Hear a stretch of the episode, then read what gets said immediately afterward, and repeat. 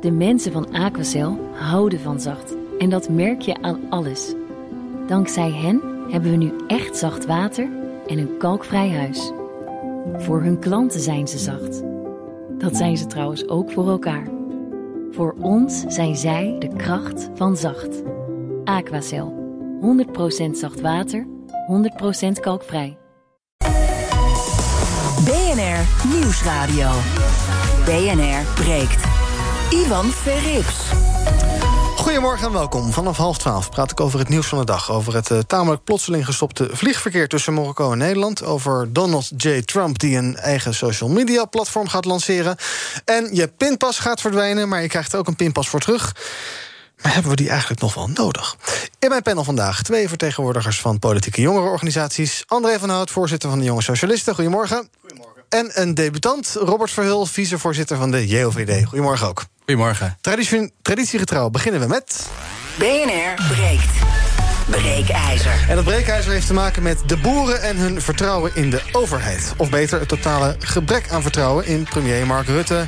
in hun eh, demissionair minister Carola Schouten... in het RIVM, in LTO ook. Ze vinden het eigenlijk allemaal maar niks, de ambtenaren daar en overal. En een andere opmerkelijke conclusie uit het onderzoek uh, van INO Research... in opdracht van de Volkskrant is dat bijna 7 van de 10 veehouders... nu op de boer-burgerbeweging zou stemmen... en daarmee het CDA zou wegvagen als, wat toch klassiek bekend staat... als de Boerenpartij. Dus deze kraker... Want het is lekker op de trekker. Die kan dus wel de prullenbak in, want het is helemaal niet meer zo lekker op de trekker. Ons breekijzer vandaag is... de overheid is het belang van de boeren inderdaad volledig uit het oog verloren. Is hun belang echt in het geding? Laat de overheid ze keihard barsten? Of moeten ze misschien niet zo piepen?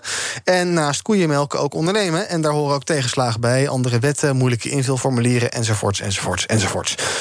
Wil je meepraten? Pak je telefoon en bel naar 020 468 4x0. 020 468 4x0. Ons breekijzer, dus de stelling waar je op kunt reageren. De overheid is het belang van de boeren inderdaad volledig uit het oog verloren. Ik ga zo meteen uh, kijken wat mijn panelleden daarvan vinden. Maar ik begin met Klaas van der Horst. Hij is senior redacteur bij Boerenbusiness. Goedemorgen, Klaas. Goedemorgen. Nou, um, ik ben benieuwd wat jij van ons breekijzer vindt. Is de overheid inderdaad helemaal de boeren uit het oog verloren en vergeten? Dat denk ik niet. Uh, maar de overheid moet natuurlijk heel goed weten wat ze willen. Uh, de overheid drukt steeds op heel veel verschillende knoppen. En dat brengt boeren ook in verwarring. Mm -hmm. ja. Dus dat uh, maakt het ook heel moeilijk voor boeren om dan uit te vogelen wat de overheid dus wil van hun. Ja, uh, jij klinkt heel genuanceerd. Als ik die staatjes nu zo zie in de Volkskrant... Uh, landelijke overheid, daar is eigenlijk... Nou, praktisch alle boeren hebben daar geen vertrouwen in... of niet zoveel vertrouwen. Het RIVM is ook zeer matig. Ministerie van Landbouw is zeer matig. Mark Rutte is zeer matig. Carola Schouten is zeer matig. LTO Nederland, nou, dan zou je denken... dat is toch de club van boeren. Maar dat is ook allemaal niet zo, niet zo fraai. waar, waar, ja, waar komt dan dat, dat beeld vandaan? Waarom zijn die boeren helemaal klaar met Den Haag? Uh, omdat ze steeds te maken hebben met, uh, met uh, wisselende eisen. Hè? Dus ehm, als boeren een helder doel voor ogen ge gesteld kregen, dan was het veel gemakkelijker om daarop af te koersen. Maar is het één doel? Hè? Ja. Ze, zouden, ze krijgen steeds nieuwe doelen voor ogen en zijn verschillende doelen. Uh, dus als het ware een cacophonie van uh, eisen uh, wat ze over zich heen krijgen. Maar dat geldt toch voor allerlei sectoren die, die, ja, die, die, die moeten zich aanpassen aan de veranderende tijd, aan veranderende wet en regelgeving. Is, is, is, is dat voor die boeren echt zo anders dan voor andere sectoren? Um, dat voelen boeren in ieder geval wel zo. Ja. ze zijn ook een heel herkenbare beroepsgroep, mm -hmm. omdat ze nou, aan de ene kant ze zijn misschien maar onderhand met heel weinig boeren overgebleven. Maar ze beheren wel een groot deel van het Nederlandse oppervlak. Ja. En daar, daar wordt van alles op geprojecteerd. Ja, de spelers zitten, spelen heel erg in het oog, inderdaad. Uh, blijf even bij me. Ik ga zo meteen uh, nog wat uh, vragen aan jou voorleggen. Ook wat bellers die reageren op ons breekijzer. 020 468 4x0 is ons nummer. Je kan reageren op de stelling. De overheid is het belang van de boeren inderdaad volledig uit het oog verloren. Eerst even kijken bij mijn panel wat zij ervan vinden. Robert. Ja, boeren en de overheid. Dat is geen gelukkig huwelijk, blijkt. Als het, althans, als het aan de boeren ligt. Um, wat vind jij? Nee, ik denk ook niet dat iemand ervan staat te kijken naar de uitslagen. We hebben allemaal ook wel een keer vastgestaan achter een file aan tractoren op de snelweg. die op weg waren naar Den Haag om hun punten duidelijk te maken. Dus ik denk dat het wel duidelijk is dat de, de verhouding boeren-overheid niet heel goed is op dit moment. Ja.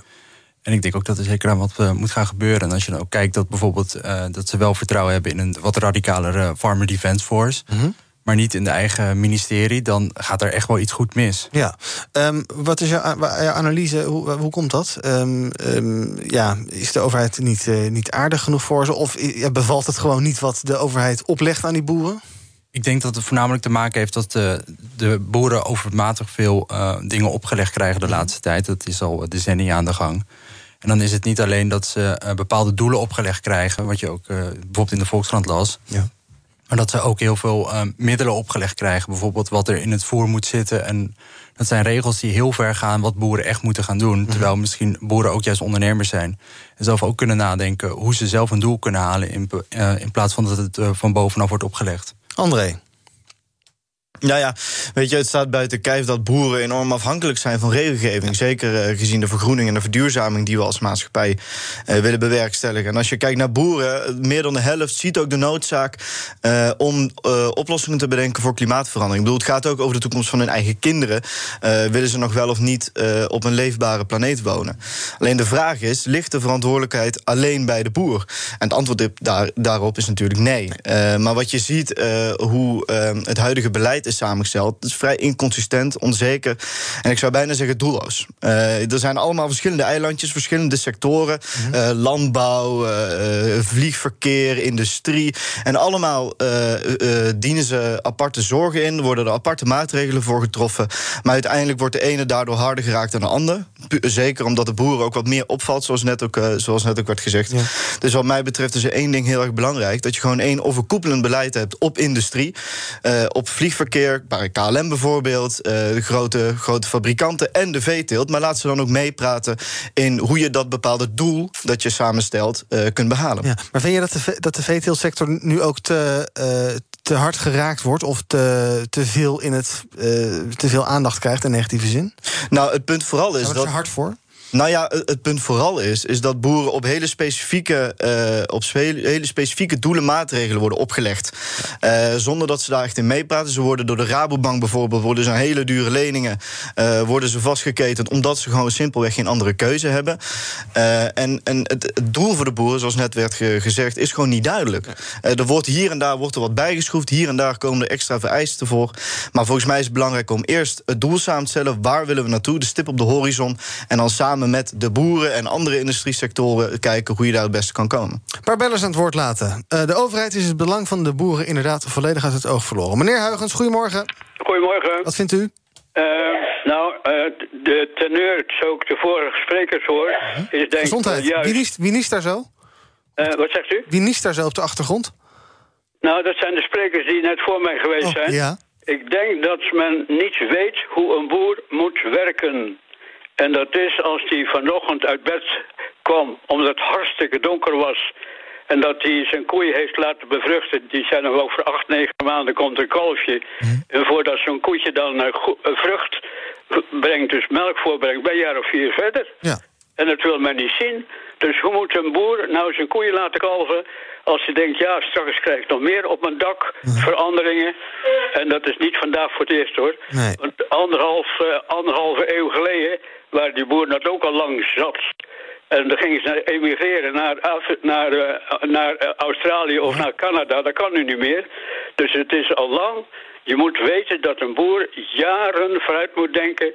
Jaren vooruit moet boeren, Ja. boeren om ze in leven te kunnen blijven. En daar is toch geen begrip voor. En wat zou er dan moeten gebeuren om dat begrip... eh, om, om in ieder geval die boeren iets meer te snappen, misschien? Wat zegt u? Wat zou, om die boeren in ieder geval iets meer te snappen... als je in politiek Den Haag werkt? Moet je dan eerst allemaal, moeten alle ambtenaren stage gaan lopen op een boerderij of iets dergelijks?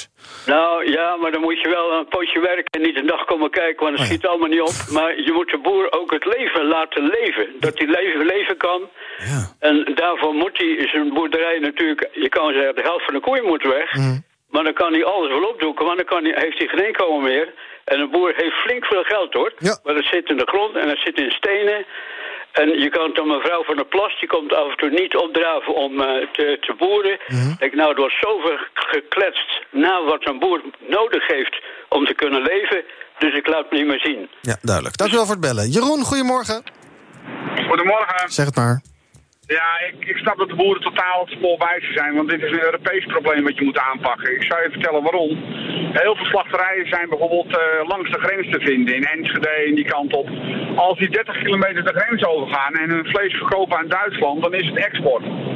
Maar als we die slachterijen eh, verplichten geen Nederlandse koeien meer te slachten, dan kan je dus de situatie krijgen dat een slachterij in München gaat slachten en 300 kilometer naar Hamburg gaat rijden om het vlees af te geven en dan is het geen milieuprobleem. Dus het, het, het, is, een dis, het is een discussie die op Europees niveau moet worden uh, gevoerd. Dat zie je ook in de suikerindustrie. In Nederland maken we suiker wat naar, naar Frankrijk gaat. Daar moet je in Europa afspraken over Ja. maken. Want nu zit je op microniveau het op te lossen. Ja, waar de boeren de dupe van zijn. En, en boeren lijden dus onder de bureaucratie eigenlijk. Nou ja, we zijn één Europa, maar met dit soort dingen zijn we dat totaal niet. Want het voorbeeld dat een exporteur in Nederland 30 kilometer de grens overgaat, is het export. Ja. Maar van München naar Hamburg 300 kilometer is geen export. Nee, maar het is veel schadelijker voor het milieu. Dank, ga ik zo eventjes voorleggen ook nog. Eh, meneer of mevrouw Fraanje, goedemorgen. Ja, goedemorgen. Ik spreek met uh, Franje van het Monte Clausi Museum. Ik, uh, ik zie een duidelijk beeld dat uh, de overheid twintig jaar geleden onder de leiding van Laurens Jan Brinkhorst van de D66 al begonnen is om de Veluwe leeg, te gaan ruimen voor meer recreatie. Ja, we moeten ook een wolf hier hebben, maar daar zijn we ook allemaal niet zo blij mee. Nee, want die bijten schapen kapot. Ja. Die bijten schapen dood, ja. En ik denk dat de mensen niet beseffen wat er aan de hand is. Ze moeten gewoon hier eens een keer komen kijken. En het wordt allemaal vanaf Den Haag wel een beetje geregeld. Maar je moet niet vergeten, we moeten uh, van de boeren wel leven. En in de oorlogstijd kwamen de mensen uit de stad hier eten halen. En we zien nu ook met de, met de, met, met de kostenprijs van alle groenten, alles wordt duurder en duurder en duurder. We moeten hem steeds verder weghalen. We krijgen steeds ongezonder eten in Nederland op ons bordje. Dat beseffen de meeste mensen ook niet. En nu moeten we gaan betalen. Ja. Voor, voor het hele beleid. Kijk, um, we kunnen gewoon niet zonder boeren. En uh, Tjerk van der Ziel, dat is een uh, afgestudeerd uh, ja, agrariër die uh, op de Universiteit Wageningen, die zei twintig jaar geleden al, we moeten terug naar het plaatselijke uh, beleid om boeren in productief in hun eigen gebied hun voedsel te produceren en af te zetten. Kijk, dus. nu moeten we Albert Heijn, de Rabobank en al die grote jongens, die maken de dienst uit. Mhm. Mm -hmm. Het is toch toch van de zotte dat wij onze legbatterijen naar Polen toe doen. En die eieren die uit Polen komen, die worden hier weer als scharrel-eieren verkocht. Ja. Zo dom zijn wij in Nederland. Zijn u nou Mont en Clausier Museum? Ja, Waar ja is dat? dat? heb ik gekeken. In Kootwijkenbroek. Ik kom eens een keer langs. Ik ben heel benieuwd wat daar te zien is. Dank u wel, Franje. BNR breekt. Ivan Verrips.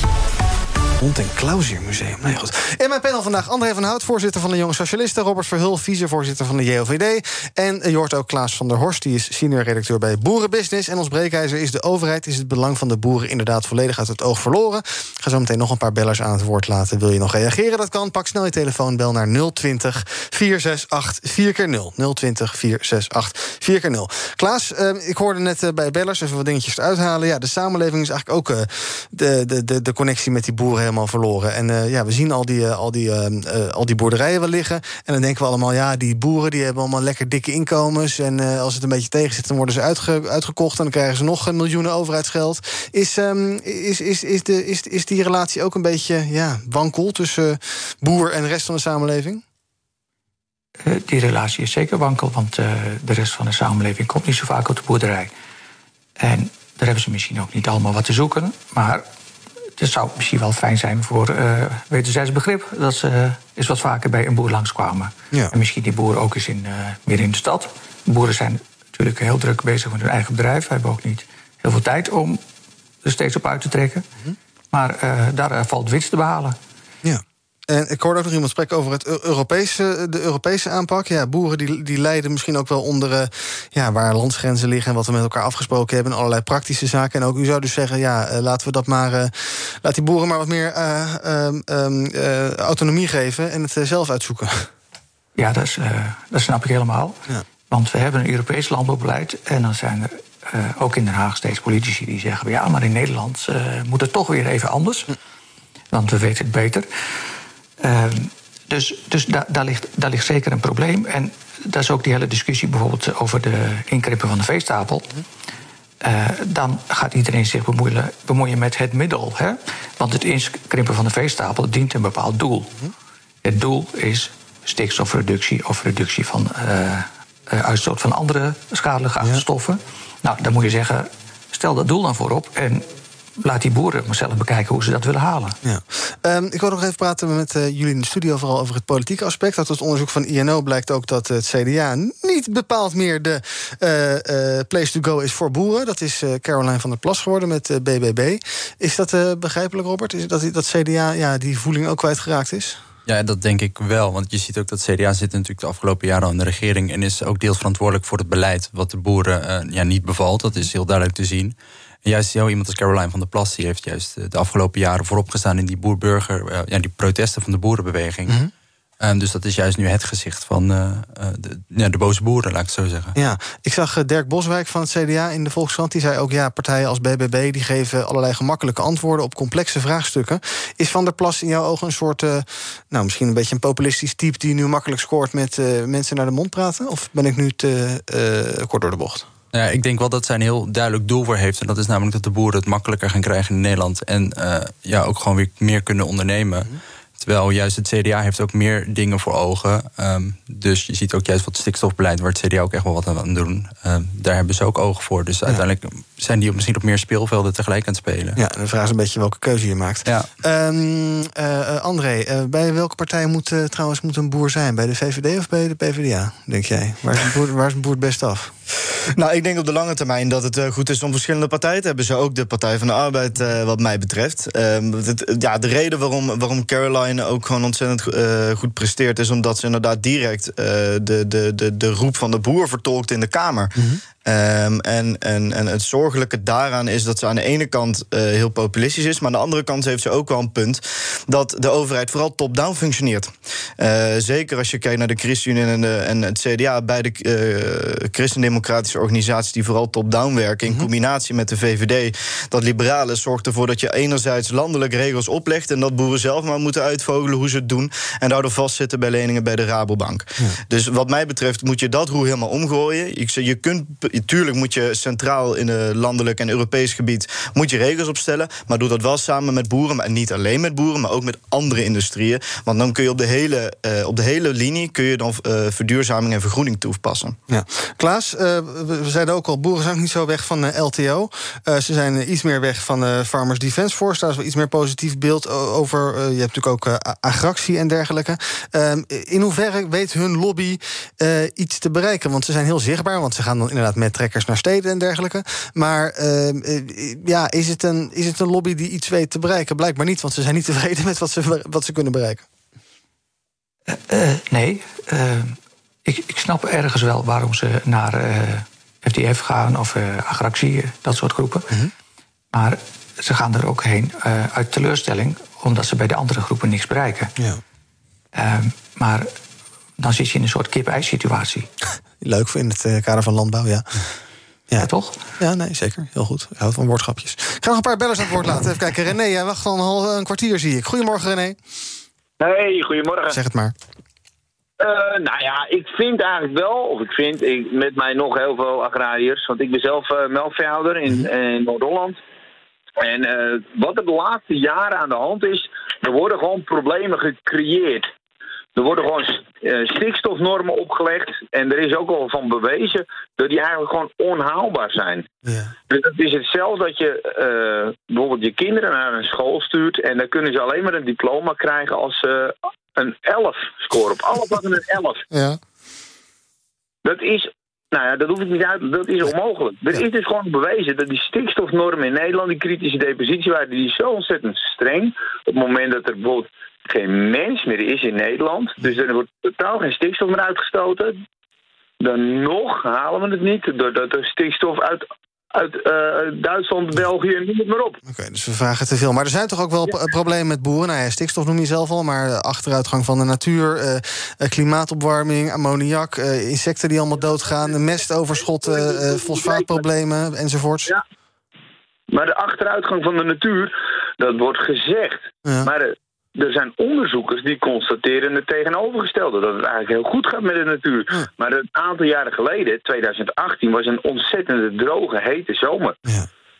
Toen was er een aantal locaties in Nederland waar de natuur achteruit ging. Maar op dat moment ging elke plant achteruit omdat het zo warm en droog was. En dat hebben ze een beetje als referentie aangenomen. Ja, toen ging de natuur ging niet zo heel goed. Maar al ga je nu kijken, 2020 en 2021 waren op zich gewoon gunstige jaren voor de natuur. En de natuur herstelt zichzelf weer. Dus dan gaan ze gewoon nu eens kijken. Het valt allemaal wel mee. Dat vertekent ook dus wat jou betreft. Dank voor het bellen. Ellen, goedemorgen. Oh, goedemorgen. Verrassend, hè? Ja. U dacht, ik bel naar de radio en dan komt u op de radio. Ja, Zeg ja, ja, kijk eens aan. En ik dacht, het zal vast heel druk zijn. Iedereen het ook? belt. Ja, maar ik zie, en ik zie Ellen, dan denk ik, nou, die wil ik wel even spreken. Oké, oké. Nou, ik ben het eens met stelling. Ja, Ja, waarom? de waan van de dag regeert. In plaats van naar China, 600 kolencentrales en India te kijken... wordt er op de postzegel op de millimeter gekeken. Postzegel Nederland. Ja. Dus we moeten Ja. ook, net als wat een van de eerdere bellers zei... we moeten het groter aanpakken en Europees aanpakken... en niet eh, vanuit Den Haag eh, eh, be- bepalen. Nou ja, het is groter dan alleen dit piepkleine stukje wereld. Nou, duidelijk. Ja, de boeren krijgen ongezien en uitsluitend schuld van, van alles en nog wat. De stikstof. Ik hoor de voorganger inderdaad ook al die dingen benoemen. Ja, ik expres. De KLM doet al haar best, maar laten we eens naar Qatar Airways deze week kijken. Qatar in zijn geheel. Die zijn niet zo schoon bezig. En de bottom line, er wordt heel lokaal gekeken naar globale problemen. Duidelijk. Dank voor het bellen, Ellen. En tot slot van het half uur nog Ronald. Goedemorgen. Ja, goedemorgen. Zeg het ik, maar. eh, eh, het gras wordt eh, voor de helft van de vraag eh, Gras, ook leuk. Ja. voor mijn voeten weggemaaid. Want ik, ik had al geroepen tegen bij jullie redactie. Eigenlijk moet je de gebruiker gaan belasten voor zijn CO2-afname en zijn NOx-afname. Zodat je dus eh, boeren die efficiënt produceren, eh, dus verhoudingsgewijs weinig CO2 en NOx uitstoten ten opzichte van de kilo's die ze produceren. Nu worden die heel zwaar belast. Ja. Eh, en de boer die inefficiënt werkt, wordt niet zwaar belast.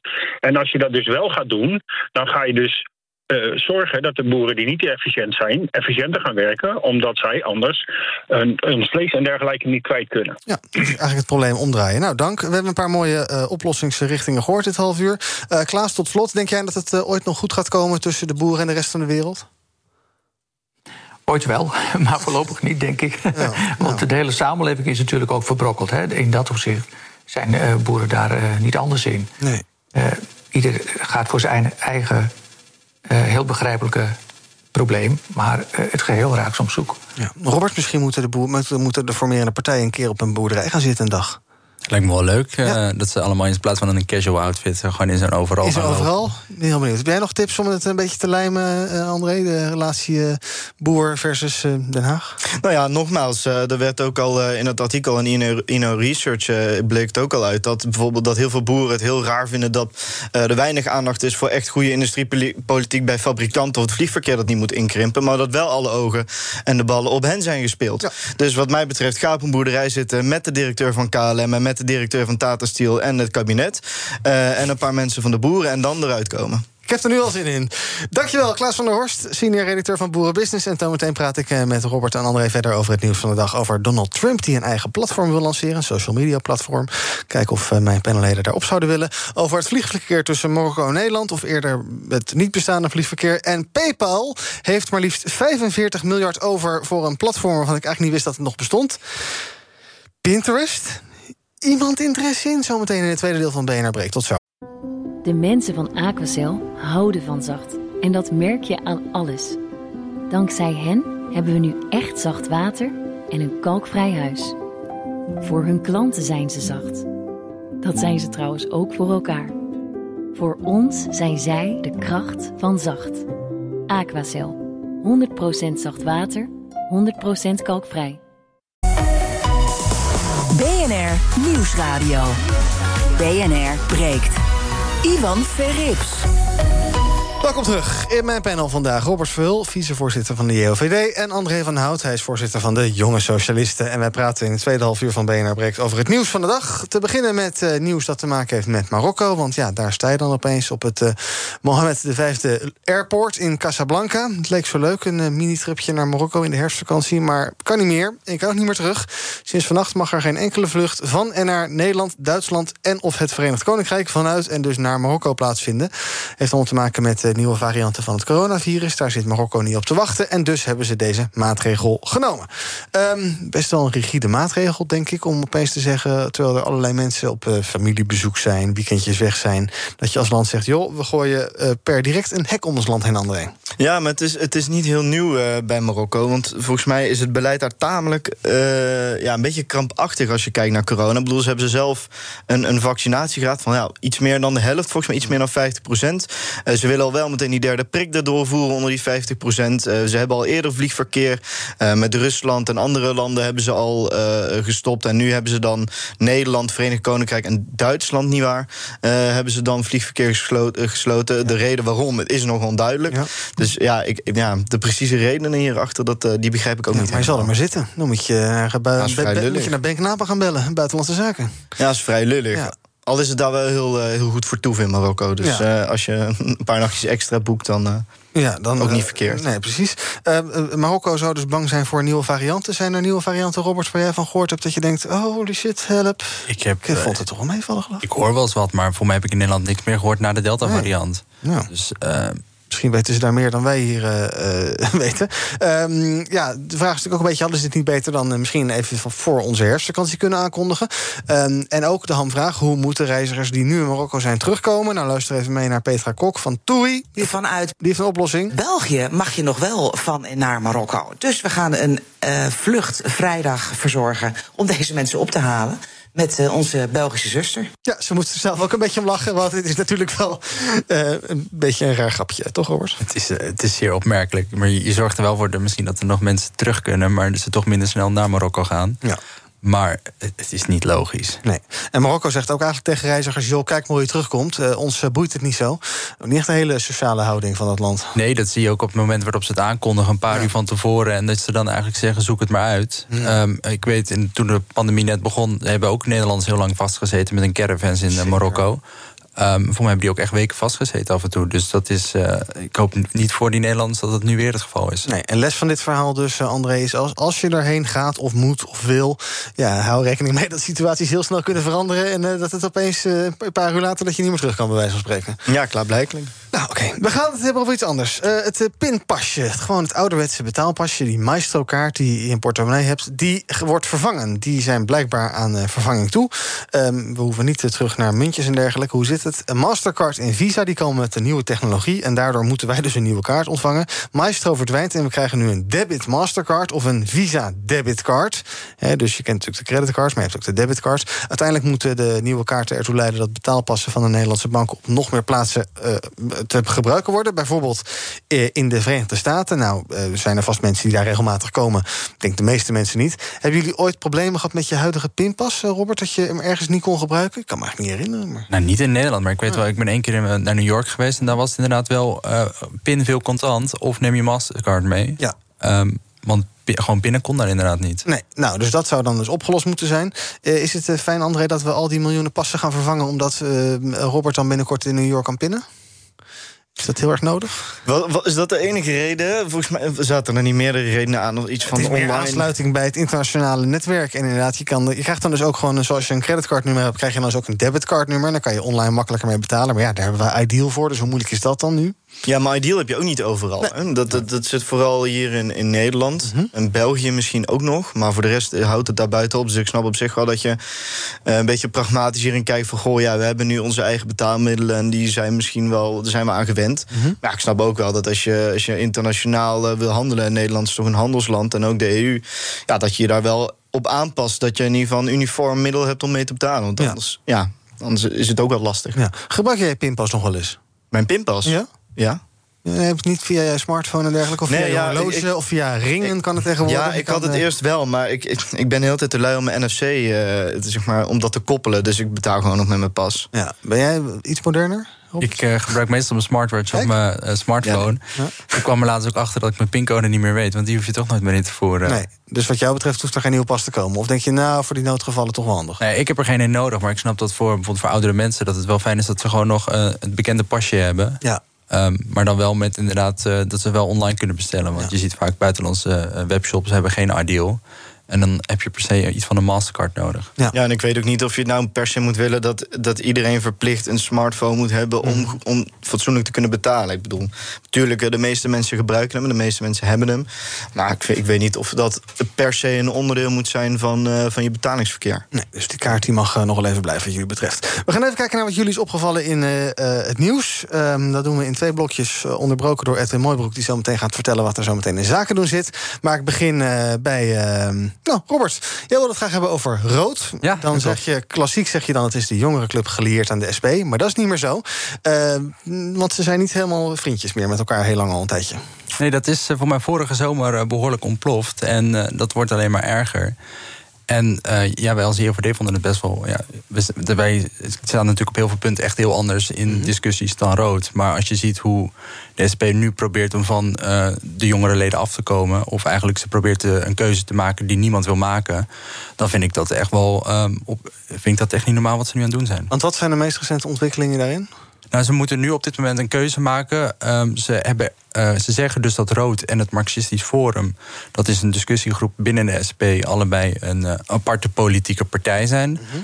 Ehm, waar echt wel vraagtekens bij te plaatsen zijn... want ze hebben gewoon geen partijstructuur. Ja, Rood deels wel, maar het Marxistisch Forum helemaal niet...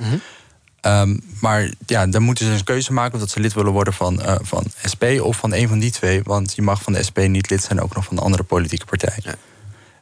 Ja, en heel veel leden wordt die keuze nu voorgelegd en die daar zitten ze niet op te wachten. Ze willen eigenlijk gewoon lid zijn van beide. Ja. En wat, mij, wat ons betreft moet je dat ook gewoon lekker eh, zo'n mening kunnen vormen. Ja. En ook gewoon lid kunnen blijven waar je lid van wil zijn. André, wat is er in de SP gevaren dat ze zo eh, nou, fel zijn op die, eh, op die, eh, op die jongens en meisjes van rood? Nou, laten we wel wezen. Het is niet nieuw voor de SP dat ze van bovenop allerlei meningen opleggen en het moeilijk maken voor hun eigen leden eh, om zich in het debat te mengen. Het, het is al heel lang zo, ook, ook via Rood was het zo, dat, dat er hele, hele, hele strakke lijnen waren vanuit de SP om, om eventueel bij te sturen. Maar nu gaat het wel de perk te buiten, denk ik. Ze, ze- bedoel, binnen de Partij van de Arbeid, binnen de VVD, ongetwijfeld ook binnen het CDA, heb je allerlei verschillende groepen die, eh, die een bepaalde mening hebben, die zich verenigen en vervolgens als een soort belangennetwerk, hoe je het ook noemen wilt, binnen de eigen partij dan proberen iets op de agenda te krijgen. En volgens mij is dat een goed recht van heel veel leden. En het is treurig dat de SP, eh, zeker met name ook de jongeren, zo aan het afstoten is. Juist terwijl ik weet dat hun jongeren eh, echt klaarstaan om alles te doen eh, om de SP groot te maken en om mee te doen met het debat. Maar daarvoor is dus wel die vrije discussie nodig, vinden ook roodleden zelf. Dus het is vrij treurig dat de SP op deze manier met hun eigen leden omgaat. Ja, staan jullie hier als eh, politieke jongerenorganisaties nou nog een beetje met eh, popcorn bij s- smikkelen en te smullen wat hier gebeurt? Of Nou, ik vind het vooral heel treurig. Ik vind het diep en diep triest dat dit, eh, dat dit in de politiek gebeurt.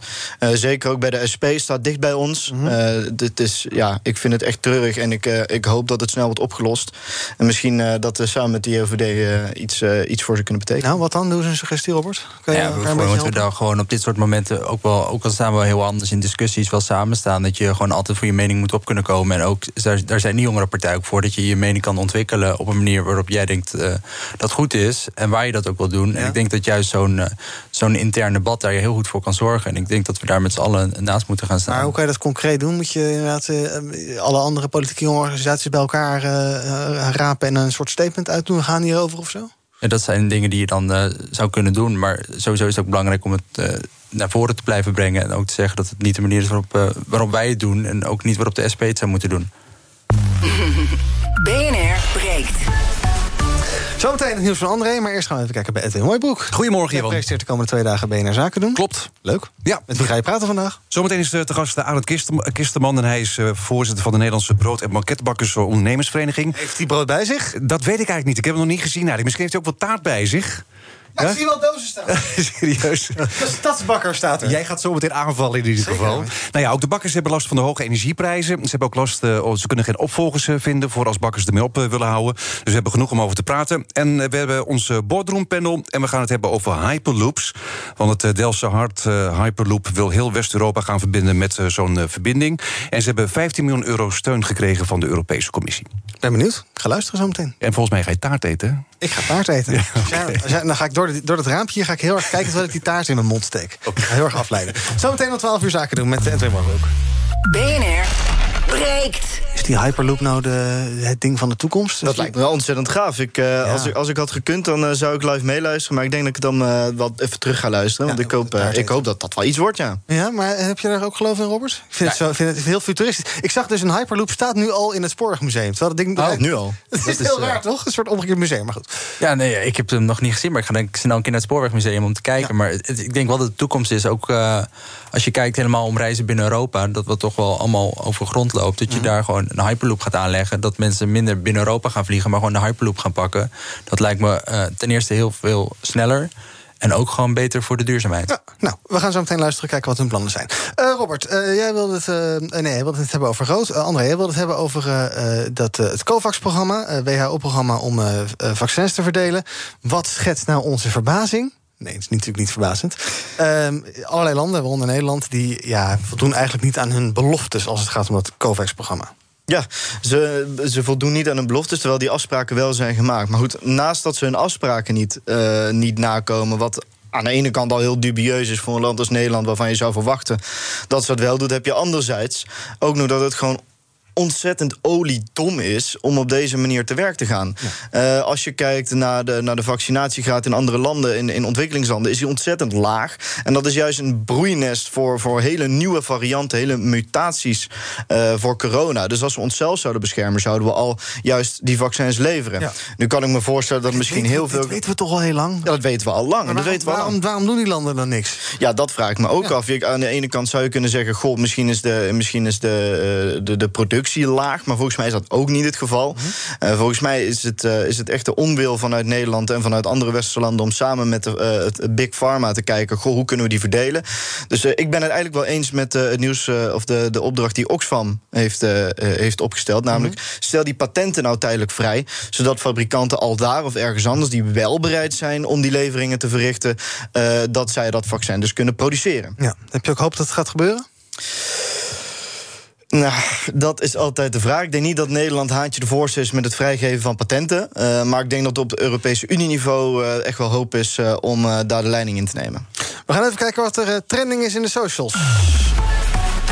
Onder andere hashtag mondkapje is weer trending. De vraag is, die we ook een beetje gisteren bespraken in deze uitzending... moet dat ding weer terugkomen in bijvoorbeeld supermarkten? Bosch Fastin is hot. Uh, de hashtag dat komt door een tweet van uh, Geert Wilders. Die beweert dat 17 jaar geleden hij zijn vrijheid heeft kwijtgeraakt... vanwege islamkritiek. Maar wat die hashtag precies inhoudt, weet ik niet. En we hebben ook nog uh, trending hashtag Marco Borsato, want... Vandaag is ja, zal hij even niet meer kunnen zingen. Hij ligt namelijk al twee dagen uitgeteld ziek op bed. Maar hij zegt wel, want hij heeft uh, fruit gekregen van zijn buren... beter een goede buur dan een verre vriend. Nou, geweldig hoor.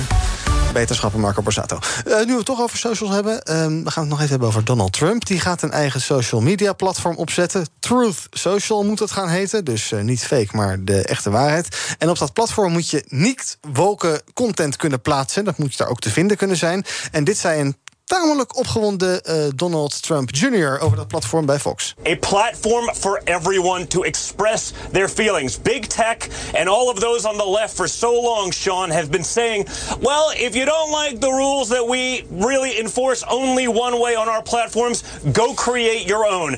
And so we did just that. Ik weet niet wat voor pilletjes helpen heeft, maar ik wil ze ook. Uh, Robert, sta je te springen om je, jezelf aan te melden? Eindelijk weg van al die uh, vervelende left-wing vooruit vooruitstrevende. Gewoon lekker iets conservatiefs. lekker. Nou, absoluut niet. Uh, misschien dat ik wel een keer een account maak om te gaan kijken. Want het is af en toe goed om uh, buiten je eigen bubbel te kijken. Mhm. Maar ik denk niet dat het de content is waar ik op zit te wachten. Mm. Um, dus nee, ik denk dat ik nog heel even wacht. Dus jij blijft gewoon bij uh, al die democratische big tech bedrijven... bij de Twitters en de Facebooks... en die al die republikeinen allemaal censureren. Dat vind je allemaal geen probleem? Nou ja, kijk, dat vind ik op zich wel een probleem. Want ik ik ben het niet heel vaak eens als Trump wat zegt, maar hij maakte wel een opmerking van dat een democratisch gekozen president, uh, voormalig voor democratisch gekozen president, van Twitter wordt afgegooid, maar dat bijvoorbeeld de organisaties als de Taliban of de Communistische Partij van China wel alles mogen uh, plaatsen op Twitter. Daar vind ik wel wat voor te zeggen dat dat uh, misschien de omgekeerde wereld is.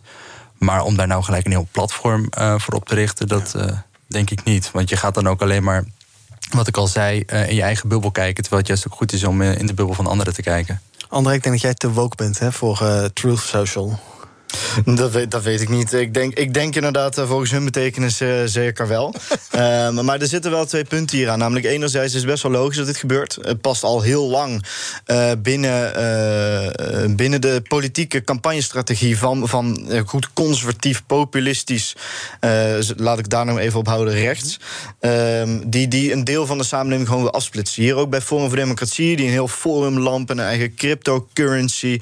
van alles willen creëren. Ze willen gewoon een deel van de maatschappij die, die sowieso verloren is door, door de rest van de samenleving, willen ze helemaal afsplitsen in hun eigen omgevingen uh, laten zitten met hun eigen waarheid. Maar aan de andere kant is het ook niet heel gek, want die zaden zijn eigenlijk al geplant doordat er überhaupt geen regelgeving is um, of geen, uh, ja, geen reguleringen op het gebied van digitale infrastructuur. Mm -hmm. uh, bedrijven als Twitter en Facebook mogen helemaal zelf bepalen wat ze allemaal willen doen. Terwijl dingen als veiligheid, controle en sancties, dat, dat, is, iets, dat is iets wat overheden altijd aan toekomt die ook democratisch gelegitimeerd zijn. je kunt niet van een private organisatie verwachten dat ze die publieke en algemene taak goed kunnen uitvoeren. En daardoor krijg je dit soort opstootjes en dit soort mankementen. Zoals uh, Robert net ook al zei, het is te gek voor woorden dat een president zomaar ergens vanaf wordt getrapt. Uh, tuurlijk ben ik het niet eens met wie zegt hij uh, houdt overal ook een lulverhaal met feiten die gewoon niet kloppen. Mm -hmm. Uh, dus zijn eigenlijk ook geen feiten. Uh, maar, maar Alternative facts. Alternative ja. facts, alternative facts inderdaad. Maar het feit dat, dat, uh, dat, uh, dat dit nu gebeurt is mede te danken... omdat er gewoon geen regulering is in de, in digitale infrastructuur. Ja, en, ja um, en dat zou je dus wel willen. Je zou daar meer transparantie in willen. En ook weten hoe algoritmes werken. Of, uh, of inderdaad conservatieve boodschappen misschien worden onderdrukt... ten nadele van allerlei vooruitstrevende boodschappen... Um, nou ja, je zult daar gewoon heel duidelijk in moeten zijn. Dezelfde regels die hier op straat gelden over, over uh, posters plakken op een, uh, op een, weet ik veel, een, een campagnebord. Ja, dat mag je ook, daar mag je ook van alles plakken. Ja. Uh, alleen zolang je maar niet haatzaait of geen natievlaggen er tegen aangooit. diezelfde regels zouden ook moeten gelden voor een online platform. Want zoals, een, zoals een, zo'n pamflettenpaal functioneert om, om je boodschap te, te, te, verspreiden, zo geldt dat ook voor een, voor een Facebook-post of een tweet die je de wereld instuurt. Ja. Tot slot over plakken gesproken, leuk om het uh, leuk bruggetje. PayPal zou interesse hebben om Pinterest over te nemen.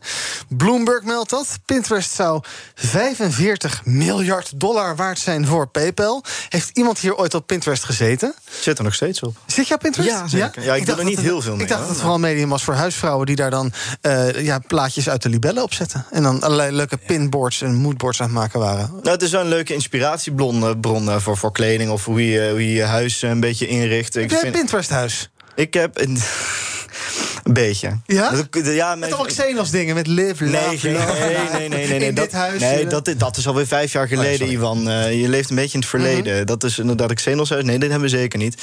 Maar ik heb het een beetje door mijn vriendin uh, uitgevonden. Die zat heel veel op Pinterest. En dacht ik, hé, hey, er staan best wel veel leuke dingen op die ik ook wel leuk vind.